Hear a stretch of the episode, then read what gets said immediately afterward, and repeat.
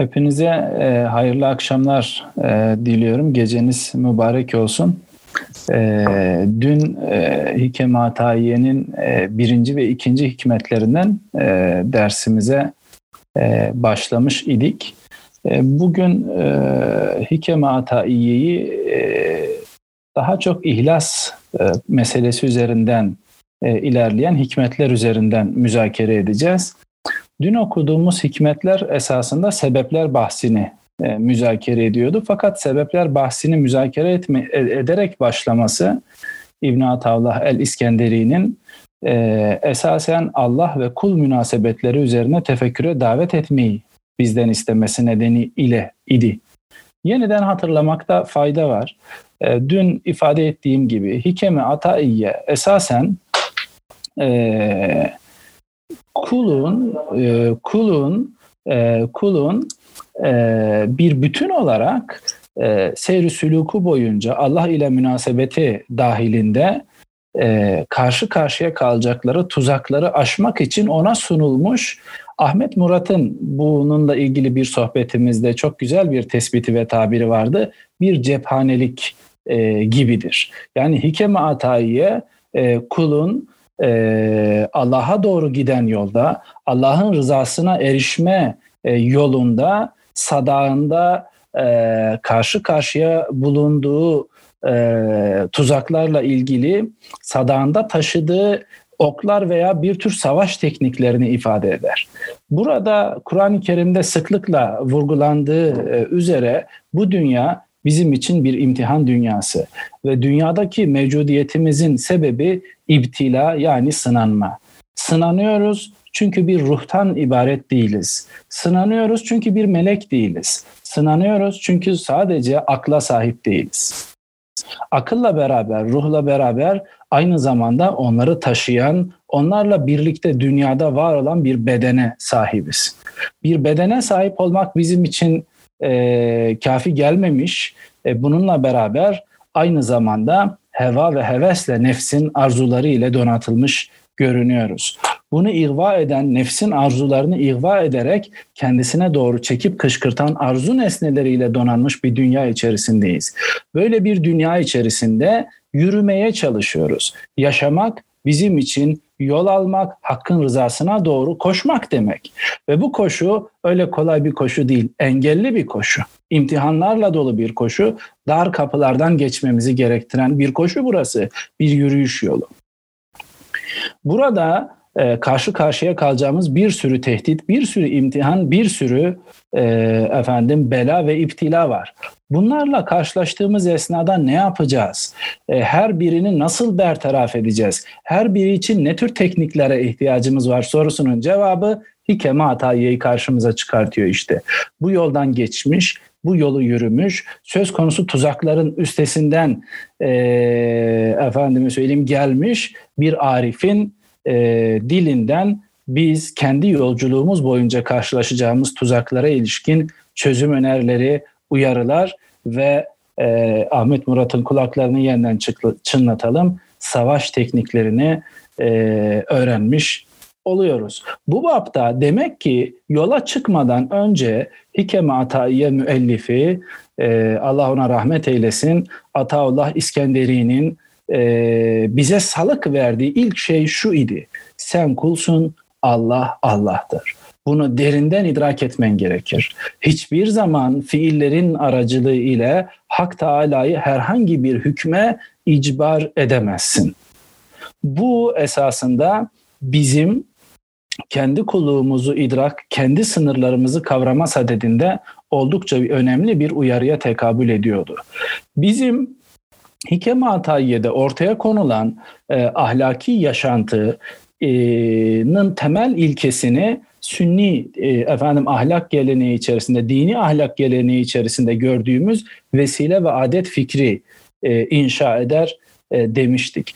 Bu vesile fikri dolayısıyla e, Hikeme Ataiye e, insanın iyi bir yaşam sürme, iyi bir insan olma ideali ile irtibatlı olarak e, sadece ve sadece fiilde bulunup geriye çekilmesinin yeterli olmadığını düşünür. Burası e, dini yaşantımız açısından kritik bir alanı, e, kritik bir noktayı ifade eder. Söz gelimi sebepler bahsiyle ilgili dünkü dersimizle ilgili bir hususu tamamlayıp yeni hikmetlere geçeceğim. Ee, söz gelimi felsefi ahlak teorisi açısından bakıldığında yüce gaye es-saadetül kusva dediğimiz en üstün mutluluktur. Ve bu mutluluğu elde etme sadedinde mutlulukçu bir ahlak teorisi görürüz. Yani felsefi ahlak teorisi, iyi yaşam ideali söz konusu olduğunda. Bu teori açısından bakıldığında bizim fiillerimiz esasen e, kozmik sistemin tamamını takip eden bir zorunluluk dahilinde neticelerini doğrudan doğruya gerektirir. Yani siz iyi bir fiili tekraren gerçekleştirmek ve kötüsünden uzaklaşmak suretiyle o fiille ilgili meleke elde edersiniz. Yani o fiili rahatlıkla yapma gücü elde edersiniz ve o o fiilin sizde doğurması beklenen netice e, doğrudan doğruya zorunlu olarak Tanrı katından size gelir. Dini ahlak teorisi açısından bakıldığında esasen e, insan fiillerinin gayesi mutlu olmak değildir. Mutluluk değildir. Peki nedir? İlahi rızadır. Yani ilahi rızayı merkeze alan bir fiiller teorisini biz görürüz dini ahlak düşüncesinde. Amaç ilahi rıza olduğu için ve ilahi rıza hak katından e, insana doğru inen bir şey olduğu için tek başına bizim fiillerimiz ilahi rızayı celbetme hususunda zorunlu kılıcı öğeler olarak değerlendirilemez.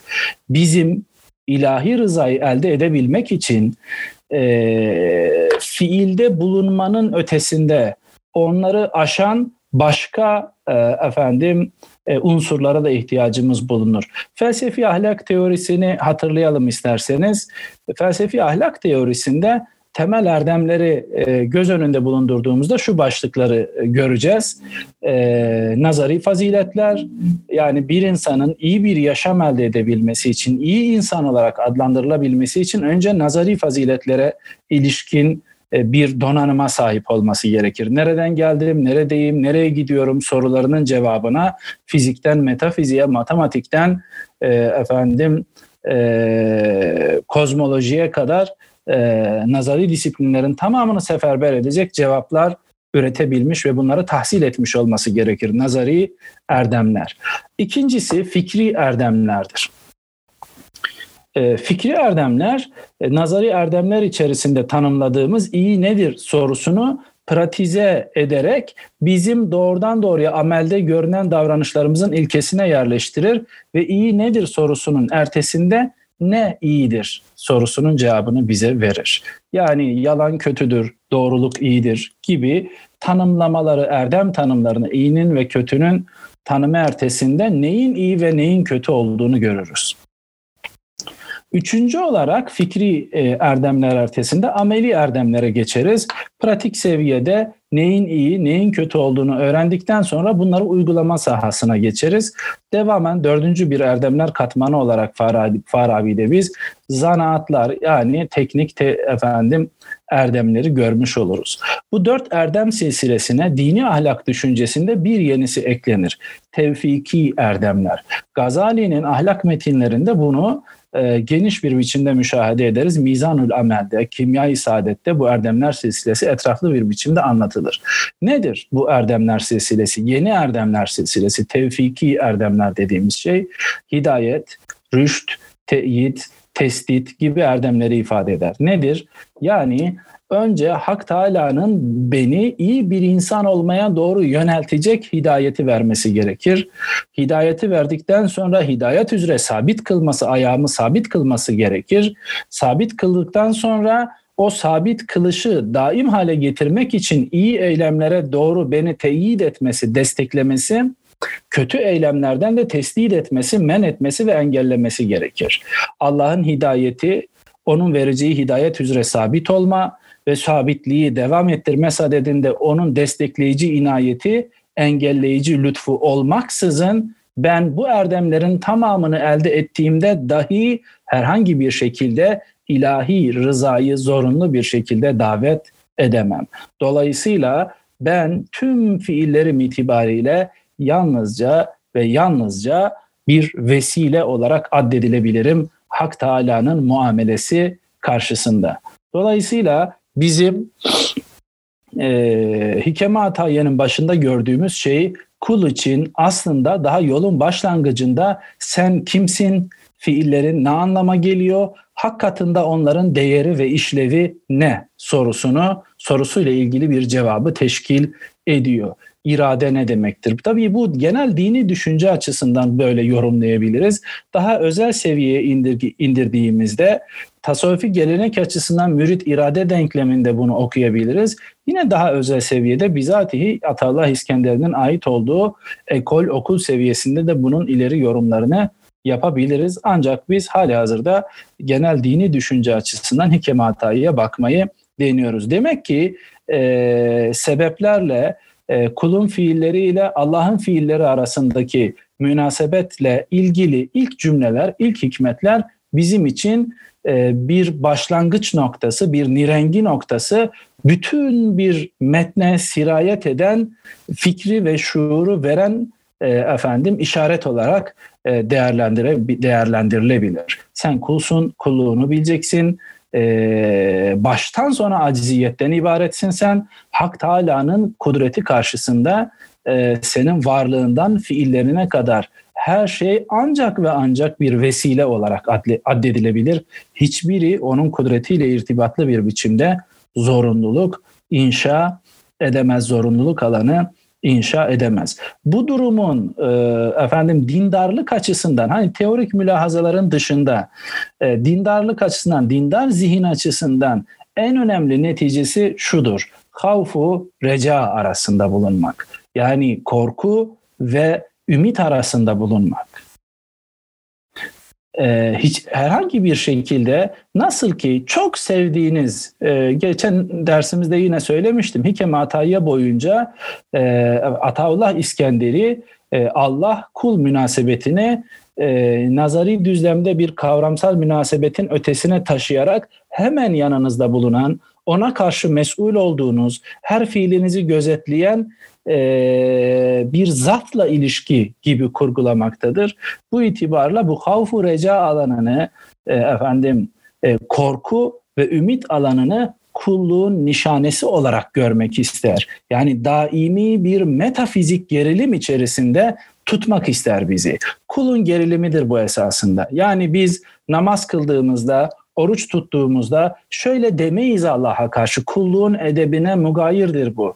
Orucumu tuttum elindeki listede artı eksi listesinde varsa eksi artıya çevir efendim hadi bana eyvallah demeyiz Allah'a karşı. Ya Rabbi niye dua ediyoruz oruçlarımızı açarken bir daha Ya Rabbi tuttuğum oruçları kabul eyle. Şayet bizim fiillerimiz e, Hak Teala'nın o fiillerle ilgili yargısını zorunlu kılsa idi. Yani sadece fiili gerçekleştirmek, o fiillerle ilgili yargıyı zorunlu kılsa idi böyle dua etmezdik. Peki biz neden bu böyle bir böyle dua etmeyi nereden öğreniyoruz? Peygamber Efendimizin ashabının e, efendim nasıl dua ettiğinden öğrendiğimiz kadar şuradan da öğreniyoruz. Söz gelimi kurbanlarımızı düşünelim. Kur'an-ı Kerim'de şöyle bir ayet bulunduğunu hatırlarız. Sizin kestiğiniz kurbanların kanı ya da eti Allah'a ulaşmaz. Allah'a ulaşan e, efendim o fiiliniz içerisinde e, ki takva duygusudur esas itibariyle. Dolayısıyla biz e, kurbanı kestiğimizde e, Allah'a şöyle bakmıyoruz. Kurbanımı kestim artık bunu kabul etmen gerekir. Kurbanı kestiğimiz halde o kurbanın kabul olmayabileceği düşüncesi içerisinde Allah'la münasebet tesis ediyoruz. Orucu tuttuğumuz halde o orucun kabul olmayabileceği fikri içerisinde Allah'la münasebet tesis ediyoruz. Namaz kılabiliriz ama o namazın kabul olmayabileceği fikri içerisinde Allah'la münasebet tesis ediyoruz. Bu da Allah'la ilişkimizi ince ve gergin bir ip üzerine yerleştiriyor. Kulluk işte bu gergin ip üzerinde yürümek ve münasebeti daima bu gerginlik içerisinde korumak demek. Yani Allah'la ilişkimiz hiçbir zaman lakayt ben yaptım oldu işte sana teslim ediyorum şeklindeki bir posta teslim ilişkisi değil fiillerimiz itibariyle. Bu duyguyu, bu şuuru bize veren ne? Bizatihi Kur'an-ı Kerim'de bulunan biraz önce söylediğim ayet. Peki insan bu kez şu soruyu soruyor. Allah Teala ile münasebetim fiillerim açısından e, bir gerginlik münasebeti, bir metafizik gerilim e, münasebeti e, yaptığım işi Allah'a beğendirmeye çalışmıyorum. Fakat en azından yaptığım fiilin de Hak Teala nezdinde kabul olmasını istiyorum. Şimdi bu o, Hak Teala nezdinde bizim fiillerimizin, ibadetlerimizin nasıl kabul olacağı sorusu bir tek Müslümanların sorusu değil. Allah'a inanan, bir Tanrı'ya inanan bütün dinlerde e, efendim yani bütün dinlerde diyelim e, Tanrı'ya yapılan ibadetin kabul olup olmadığı ile ilgili bir merak süre gelmiştir. Putperestlik açısından, pagan dinler açısından da bu geçerlidir. Efendim Hristiyanlık, Yahudilik gibi dinler açısından da bu geçerlidir. Çoğu dinde yaptığımız ibadetin ve fiilin nasıl kabul olduğuna ilişkin e, efendim e, rahiplerin karar verdiğini görürüz. E, ya da e, efendim işte e, bir kurbanın yakılmasıyla beraber işte e, cahiliyi hatırlayın. İşte kurban e, efendim edildiğinde o kurbanın e, e yakılıp kül olma kül olması durumunda Hak Teala'nın o kurbanı kabul ettiği yönünde bir fikir, bir pratik gelişir ya da rahipler kabul etti der. İşaretler gözleriz gökyüzünden vesaire. Peki biz e, yaptığımız fiillerin Hak Teala nezdinde kabul edilip edilmediği ile ilgili daimi bir garantiye sahip değilsek, böyle de davranmak dindarlığın, mümin oluşun, imanın, bizim kul oluşumuzun e, efendim e, sınırları içerisinde değerlendirilemeyecek bir küstahlık, edep dışı bir durum olarak değerlendirilebilirse biz yaptığımız ibadetin kabul olduğunu nereden bileceğiz? Bunu nasıl çıkartabiliriz? Gerçekten de Allah Teala bizi böyle saf bir ip üzerinde, gergin bir ip üzerinde sürekli titreyen kuşlar gibi mi görmek istiyor ibadetlerimiz esnasında? En azından bizim öyle olmamız gerekir. Fakat Allah Teala'nın ibadetlerimizin kabul olup olmamasıyla ilgili bize verdiği bazı ipuçları söz konusu. İşte Ataullah el İskenderi bu gerginlik anını fiillerimizin sadece vesile olduğu ve e, bir fiil yaptığımızda on hak Teala nezdinde kabulünün garanti olmadığı e, şeklindeki e, efendim e, ilkeyi vaz ettikten sonra şu soruyu sorar. Peki ben ne yaparsam fiillerim Hak Teala nezdinde makbul hale gelir, onun rızasına erişir. Şimdi birazdan okuyacağımız hikmette işte bu soruya intikal ediyoruz ve bu soruya verilen cevap İslam'ın gerçekten de e, kuldan, ona mensup olan e, insanlardan ne beklediğini e, açık bir biçimde gösterir ve hem diğer e, semavi dinlerden hem de pagan dinlerden, geleneklerden nasıl ayrılarak kul ve Allah ilişkisini gerçekten özel ve hususi bir çizgiye oturttuğunu e, anlatır. E, bu sorunun cevabı, bu sorunun cevabı şu hikmette e, kendisini e, gösterir. Bu hikeme ataiyenin 10. hikmetidir. El a'malu suretun kaimetun ve ervahuha e, vücudu sırril ihlasi fiha. Yani e, amellerimiz suretlere karşılık gelir. Onların ruhu ihlasın varlığıdır. Demek ki bizim ibadetlerimizin kabul olup olmadığı ile ilgili soruyu cevaplarken müracaat edeceğimiz şey neresidir? İhlastır. Şayet ibadetlerimizi ihlas ile yapıyor isek, ihlas ile yapıyor isek o ibadetlerin kabul olduğu ile ilgili bir ümidi içimizde taşımaya hakkımız var. Fakat ihlası yitirirsek ki insan kendisini murakabe ettiğinde bunu çok iyi idrak eder. İhlası yitirirsek o fiillerin Hak Teala nezdindeki karşılığıyla ilgili e, efendim e, ümitsizlik demeyeceğim. E, çünkü e, başlangıçta şunu söyledik. E, Hak Teala'nın bize lütufları e, tamamen bizim fiillerimize bağlı değildir. Bizim fiillerimiz aynı zamanda sadece bir vesiledir. İhlası yitirdiğimizde en azından bir hoşnutsuzluk e, umabiliriz Hak Teala nezdinde bu fiillerle ilgili. Çünkü kendisi Allah Teala'nın kendisi riyayı ve ihlas dışı davranışları yeren e, efendim ayetlerle bizden ihlası talep ediyor. İhlasa birazdan geleceğim. E, bu hikmeti e, biraz açmaya çalışacağım. Etrafında müzakere e, edeceğiz.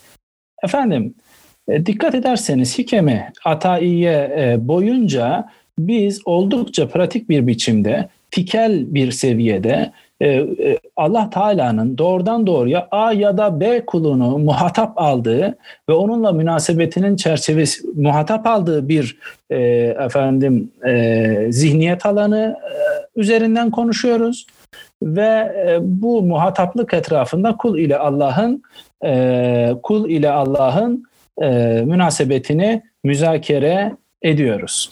Efendim e, bu tespit babında şunu da e, yeniden hatırlayıp ilave edelim.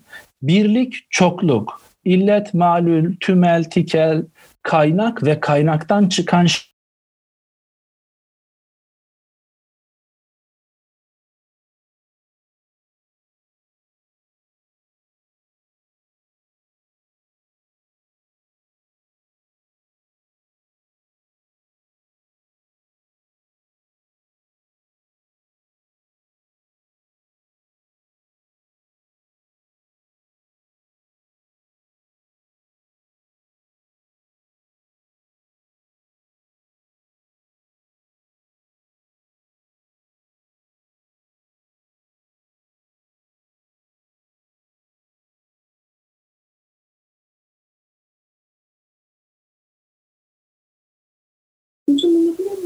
Evet, e, bir zannediyorum internet gidip geldi.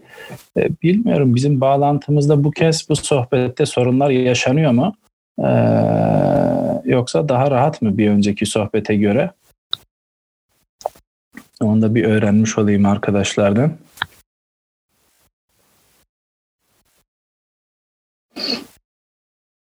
Devam edelim biz.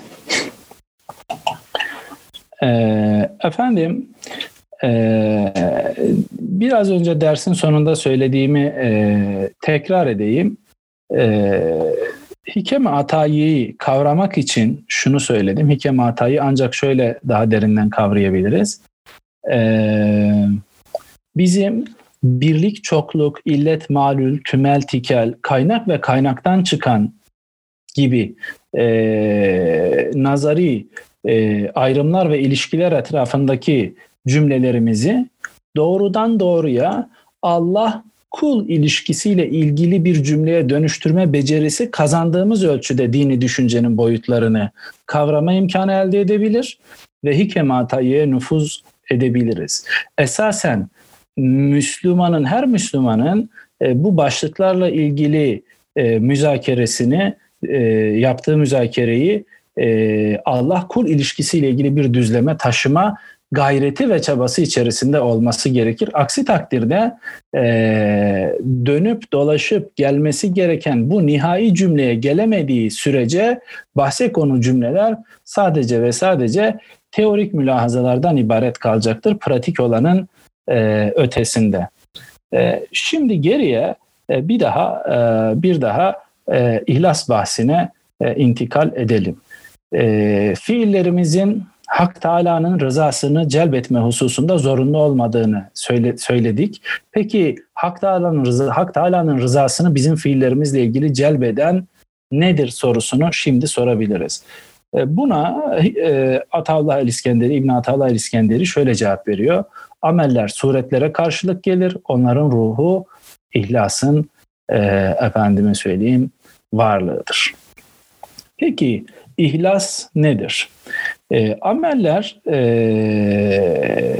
ölüdürler. Ameller ölüdür esasında. Onları canlandıran ihlastır demiş oluyor e, İbn Ataullah el İskenderi. İhlas esasında tevhidin bir uzantısı olarak okunmalıdır. İhlas tevhidin en saf e, ifadesidir. Bizim Kur'an-ı Kerim'de tevhidin en saf ifadesini kendisinde gördüğümüz sure neresidir? İhlas suresidir. İhlas suresine İhlas suresi denilmesinin sebebi esasında orada Allah'ın mutlak birliğinin ve eşsiz biricikliğinin anlatılıyor olmasıdır. Dolayısıyla ihlas, e, dolayısıyla ihlas gerçek sebebin sadece ve sadece Allah olduğunu bilmek demektir. Ve bu yönüyle ifade ettiğim üzere tevhidin en saf ifadesi olarak kendisini gösterir. Bu en saf ifadeden uzaklaştığımız ölçüde çokluğa gömülür, birlik cihetini kaybederiz. Bu aynı zamanda birliği kaybetmek demek, anlamı kaybetmek, nesneler arasında kalmak, her şeyi ayakta tutan nihai ilkeyi gözden kaçırmak e, manasına gelir ve bunu gözden kaçırdığımızda sadece sadece mevcutları sanki başlangıçsızlarmış gibi değerlendirmekle kalmayız. Aynı zamanda hakiki ilkeyi gözden kaçırdığımızda giderek kendimizi bir ilke konumuna getirebil getirmek gibi bir tehlikeyle de yüz yüze gelebiliriz. Bura üzerinde biraz daha durmaya çalışacağım. Ee, İhlas e, esasen ihlası en güzel anlatan ayetlerden biri Kur'an-ı Kerim'de e, namazımızın, e, efendim, orucumuzun, ibadetlerimizin, her türlü ibadetimizin, hayatımızı, hayatımızın, ölümümüzün, varlığımızın tamamen sadece ve sadece Allah için olduğunu beyan eden ayettir. Bu ayette biz ihlasın en samimi ve en saf ifadesini görmüş oluruz. Allah için olmak ne demektir? Allah için olmak esasında Allah ile kul arasındaki münasebete üçüncü bir gözün karışmamasıdır. İhlas bunu ifade eder. Ee, kuldan kuldan Allah'a kuldan yaptığımız fiil e, fiil e, bizden Allah'a doğru uzanan bir yolu takip eder. E, bu yola bu yola başka yolların karışmaması ve onun doğrudan doğruya Hak Teala'ya varan başka herhangi bir yolu ve gayeyi gözetmeyen e, bir şekilde e, en kısa yoldan en hızlı bir biçimde en doğrudan şekilde Hak Teala'ya varmasının adıdır ihlas. Başka hiçbir gayeyi gözetmeyecek e, şekilde. Buna bunu bunu başarabilmenin yolu esasında fiilimize üçüncü fiilimizden üçüncü bir gözü uzak tutmaktır. Ancak üçüncü bir gözü fiilimiz üzerindeki üçüncü bir gözü e, uzak tuttuğumuzda ihlasa erişe e, biliriz. Neyi kastediyorum üçüncü gözle? E, söz gelimi en sıradan seviyede ahlaki bir fiil fiili tahayyül edelim. E, iki kişi bir kapının başında bekleyebilir. E, efendim e, kapı açıldığında hangisinin daha önce kapıdan geçeceği e, sorusu gündeme gelirse biri diğerini buyurun siz geçin diye davet edip kapıdan geçirmek ister. Şayet bu fiilimiz acaba acaba e,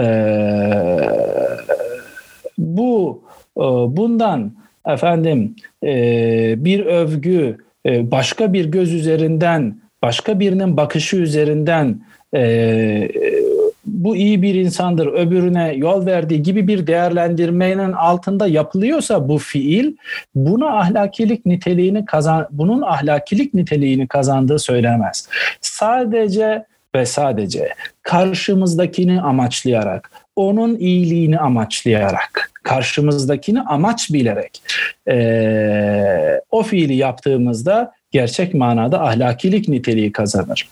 Bu öyle bir şeydir ki e, o fiili yapan ile o fiil, fiilin kendisi için yapıldığı kişinin gözünden hariç üçüncü bir göz bu fiile baktığı anda aslında aslında saf ahlakilik niteliğini giderek yitirmeye başlama ihtimali ortaya çıkar.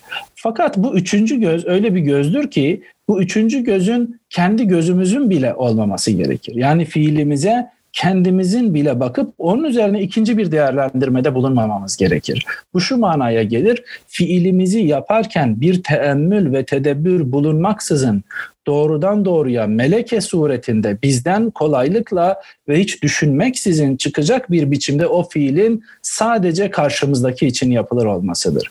İhlas Allah için bir şey yaptığımızda acaba yapayım mı, yapmayayım mı gibi e, mülahazalara girmeksizin şayet Allah içinse başka hiçbir mülahazayı, başka hiçbir üçüncü gözü müzakere etmeksizin, hesaba katmaksızın doğrudan doğruya kolaylıkla ve en doğru yoldan Allah'a doğru yönelmesi demektir. Bu melekeyi bir kez kazandı, kazandığımızda yani yaptığımız fiilleri sadece Hak Teala'nın rızası için yapma melekesini bir kez kazandığımızda bu fiil esasında sadece bizim ile Hak Teala arasındaki münasebeti tesis etmez. Aynı zamanda bütün bir varlık alanına, fiillerimizle ilgili varlık alanına sirayet edecek bir yön taşır. Biz bunu kazandığımızda ihlası Hak Teala ile münasebetimiz içerisinde ihlası kazandığımızda e, diğer insanlarla, eşya ile, tabiatla münasebetimizde de ihlası, samimiyeti, içtenliği kazanmış oluruz. Bu aynı zamanda oraya da yansır. Burada kazandığımız şey oraya yansımıyorsa aslında gerçekte kazanmış sayılmayız. Çünkü bir kez ihlas elde edildiğinde bu varlığın tamamına sirayet edecek bir içtenlik, yüz yüzelik ve samimiyet ortaya e, çıkartır e, demeliyiz. İhlas, bu son cümlelerimle toparlayayım.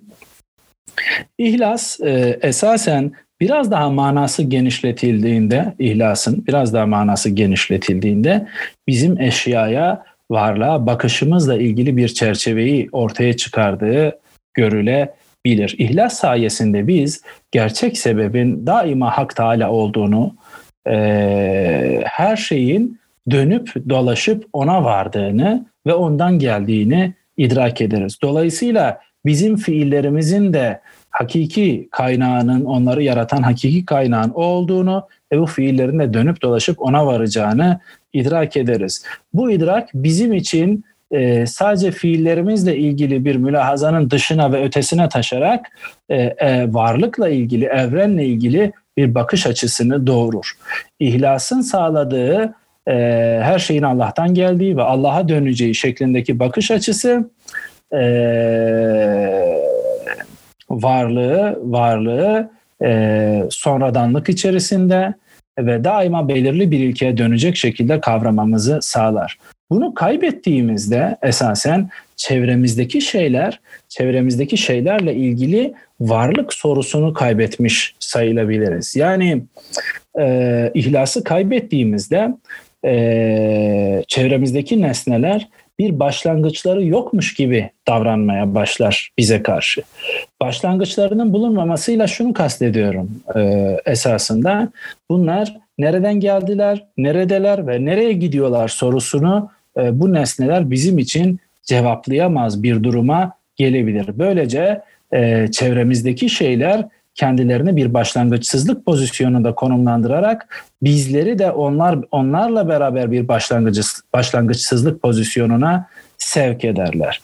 Ee, bu durum esasında onların ruhunu teşkil eden başlangıcı e, kaybetme sonucunu doğurur ve beraberinde e, bir bunların başlangıcı ilkesi nesnelerin geldiği ve kendisine dayandığı ilke nedir sorusuyla alakalı olarak insanın kendisini ilke pozisyonuna yerleştirdiği bir aşamaya intikal etmiş oluruz. Ben bugünkü Hikem Hatayı hasbi halini burada nihayet erdirmiş olayım. E, dünkü derste olduğu gibi daha fazla uzatmayalım. Haftaya e, ihlas fikri üzerinden konuşmaya devam edeceğiz e, yarın diyelim e, efendim e, yarın bu bahis üzerinden konuşmaya devam edeceğiz. E, varsa birkaç soruyu arkadaşlardan rica edeyim. İki soru alacağız veya üç soru sonrasında dersimizi tamamlamış olayım.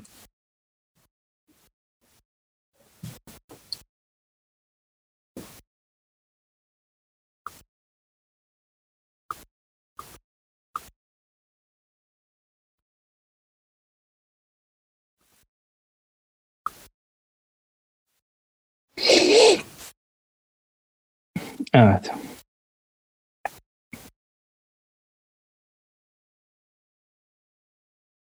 Evet. Ee, ihlas ve takva birbiriyle çok yakından ilişkili kavramlar. Yani herhangi bir şekilde birinin olmadığı durumda diğerinin e, olmasının e, mümkün olmadığı kavramlar. Takva içerisinde ittikayı yani korunmayı e, ve Hak Teala'ya giden yolda bizi tehdit edebilecek her türden e, efendim e, arzuya, her türden tuzağa, ee, bunun içerisine e, kendi nefsimizden kaynaklanan hastalıklar olabilir, üçüncü gözün bakışı olabilir. Bunların hepsinden korunmayı ifade eder ve ihlasa giden yol esasında takvadır. Bu korunma duygusudur. Yani bizi doğrudan doğruya Hak Teala'ya doğru taşıyan yoldan alıkoyabilecek her şeyden korunma duygusu e, ihlası ortaya çıkartır diyelim. Takva olmaksızın ihlası elde edemeyiz. İhlas bu manasıyla birleme, ve gaye e, manasını ifade e, eder.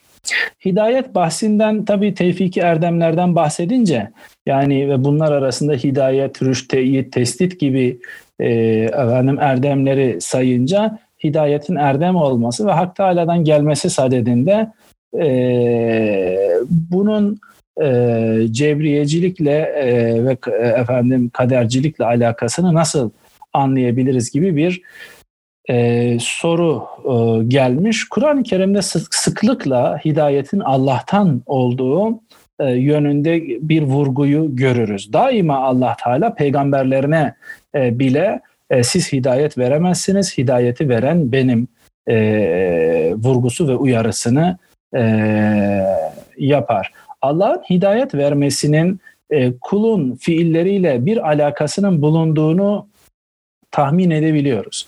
E, ancak kulun e, fiillerinin hidayeti e, e, efendim zorunlu kılıp kılmadığı e, sorusu söz konusu olunca burada hikemataya üslubu içerisinde bunun zorunlu kılı bunun bir zorunlu kılıcılık şeklinde değil vesile şeklinde ortaya çıktığını söyleyebiliriz. Allah Allah Teala bir yandan hidayeti kendisinin verdiğini söylerken diğer yandan insanlara hidayete karşı kalplerini, kulaklarını, gözlerini açmalarını salık verir.